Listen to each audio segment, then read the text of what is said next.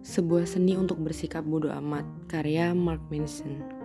Buku sejuta umat yang banyak dibahas di mana-mana, banyak uh, dibincangkan dan bahkan mungkin beberapa orang nggak terlalu suka baca pun ikutan posting atau ikutan seneng sama buku ini gitu.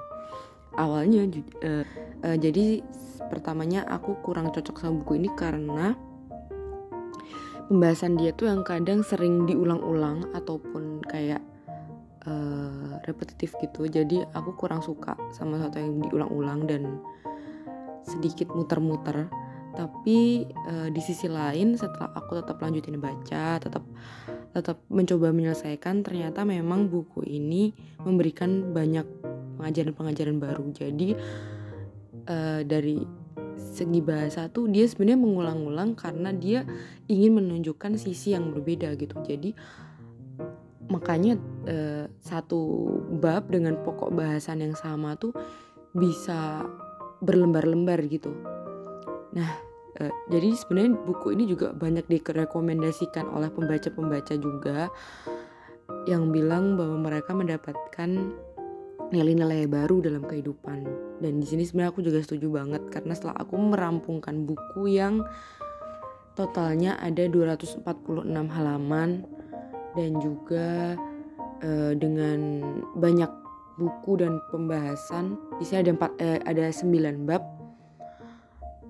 Dan di awal-awal itu topik yang diangkat itu sangat relate dan sangat bisa diterapkan di kehidupan sehari-hari.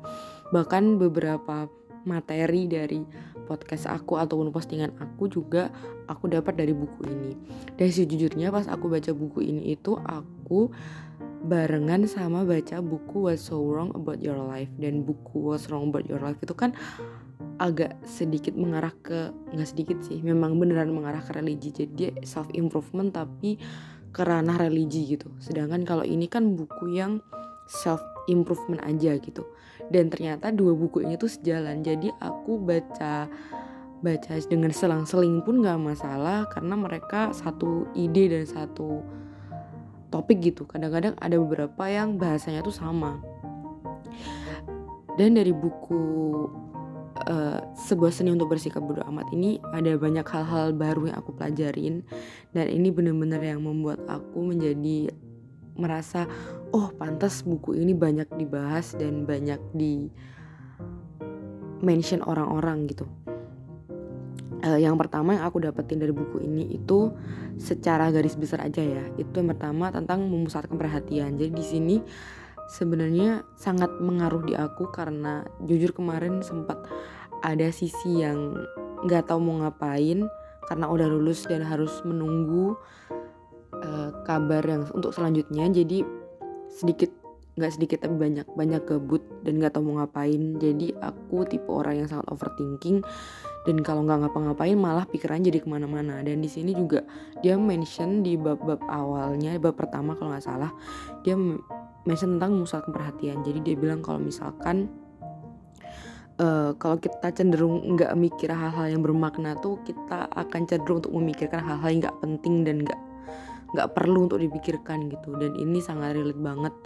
Jadi dia bilang kayak apa ya mending kamu mikir yang yang bagus-bagus aja deh yang bermakna bermakna aja gitu. Dan dia juga mention tentang apa memfokuskan perhatian pada yang benar-benar ngaruh di kamu benar-benar yang berimpact di kamu. Jadi nggak perlu banyak memikirkan yang sebenarnya nggak ada ngaruhnya buat kamu untuk ke depannya gitu.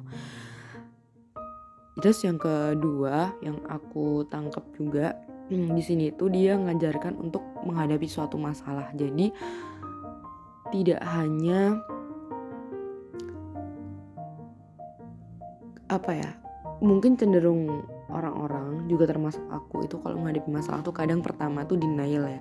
Denial yang keterusan. Jadi uh, sebenarnya banyak sih banyak quotes yang bilang kayak harus menghadapi harus menerima dulu masalah dan lain-lain tapi kadang kata-kata kayak gitu kayak lewat aja gitu nggak nggak masuk di aku nggak nggak terus bikin aku mikir ataupun berubah pandangan atau yang lainnya. Nah di sini itu dia mention untuk apa menghadapi masalah karena ya dia kasih tahu gitu kalau kamu nggak menghadapi masalah ya kamu akan kayak gini kayak gini. Padahal namanya hidup tuh pasti selalu ada masalah gitu. Dan kamu jangan berdoa nggak akan ada masalah karena itu nggak mungkin. Dan justru kamu bertumbuh pun juga dari masalah. Kalau kamu nggak ada masalah hidup kamu bakal gitu-gitu aja dan kamu nggak akan bertumbuh dan lain-lainnya gitu.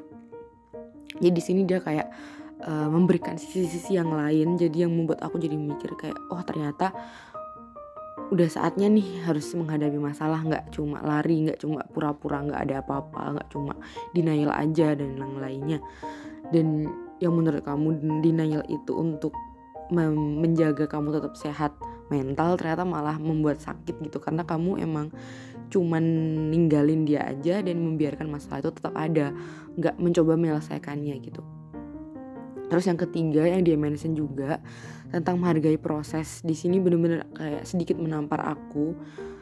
Dan aku juga bagikan di postingan aku di Instagram tentang menghargai proses. Jadi kebanyakan orang tuh merasa udah melakukan sedikit terus dia merasa kayak mana nih kok nggak ada hasilnya? gitu-gitu kan. Dan ini juga sejalan sama buku Atomic Habit yang aku baca. Jadi uh, sedikit aku mention uh, di sini tentang menghargai proses. Jadi uh, semuanya tuh butuh proses gitu. Jadi nggak ada yang instan dan emang semua butuh waktu. Jadi ya semua tuh uh, butuh yang namanya proses dan menghargai proses itu sendiri. Jadi seperti enjoy the process. Jadi karena hidup ini akan selalu selalu terus berproses. Jadi kalau kamu cuman bahagia karena kamu mendapatkan hasil dari proses itu tuh kamu salah karena hasil itu uh, belakangan gitu dan bisa sangat lama didapatkan. Jadi harusnya kamu kamu enjoy dengan proses kamu menikmati proses jadi hidup kamu tuh akan lebih gampang untuk bahagia dan menghargai sisi kecil dari hidup, hidup kamu gitu. Terus yang selanjutnya yaitu tentang memaknai kenikmatan. Jadi ini juga sama dengan yang dimention di buku What's So Wrong About Your Life tentang kenikmatan. Dia juga bilang kalau kenikmatan tuh uh, banyak macamnya dan itu cuma sebentar aja gitu dan apa ya harus mencari kenikmatan yang sesuai yang pasti yang sesuai dengan poin-poin kamu nggak cuman yang cuma lumpang lewat aja atau sebagainya. Dan terus yang selanjutnya itu tentang terus bertumbuh dengan pilihan-pilihan. Jadi namanya hidup itu selalu diadakan dengan pilihan. Bahkan kamu nggak eh, nggak uh, peduli pun itu adalah suatu pilihan untuk kamu tidak peduli gitu. Dan ini uh, membuat kita menjadi lebih terus bertumbuh dan terus belajar gitu. Dan juga uh, yang aku pelajari di buku ini juga tentang memaknai orang yang lebih sukses dari kita. Jadi di sini kita melihat orang sukses itu sebagai satu sisi baru karena kita melihat orang yang udah sukses dari kita kita seper, uh, kita harusnya mikir gitu oh berarti dia itu bisa aja lebih gagal lebih banyak dari kita dulu atau kita udah dia, dia udah nyoba lebih banyak ataupun misal dia sebenarnya udah nyoba banyak dan berproses banyak yang kamu nggak tahu gitu. Jadi dia belajar selama hidup dia lalu dia tiba-tiba misal dia melakukan sesuatu dan sukses. Nah itu sebenarnya dari pola belajar selama hidup dia selama ini dan kamu nggak tahu. Mungkin dia investasi pengetahuan atau investasi pengalaman di masa lalu yang kamu nggak nggak tahu gitu. Jadi e, melihat orang yang lebih sukses itu dengan sisi yang berbeda gitu. Dan juga aku juga di sini dari buku ini aku belajar tentang hubungan yang sehat dibanding hubungan yang toksik gimana mungkin ini adalah masalah bagi sebagian besar orang dan mungkin orang-orang yang merasa hubungannya toksik tapi nggak bisa keluar atau mungkin orang yang nggak merasa hubungannya toksik tapi dia merasa tertekan mungkin bisa juga baca buku ini.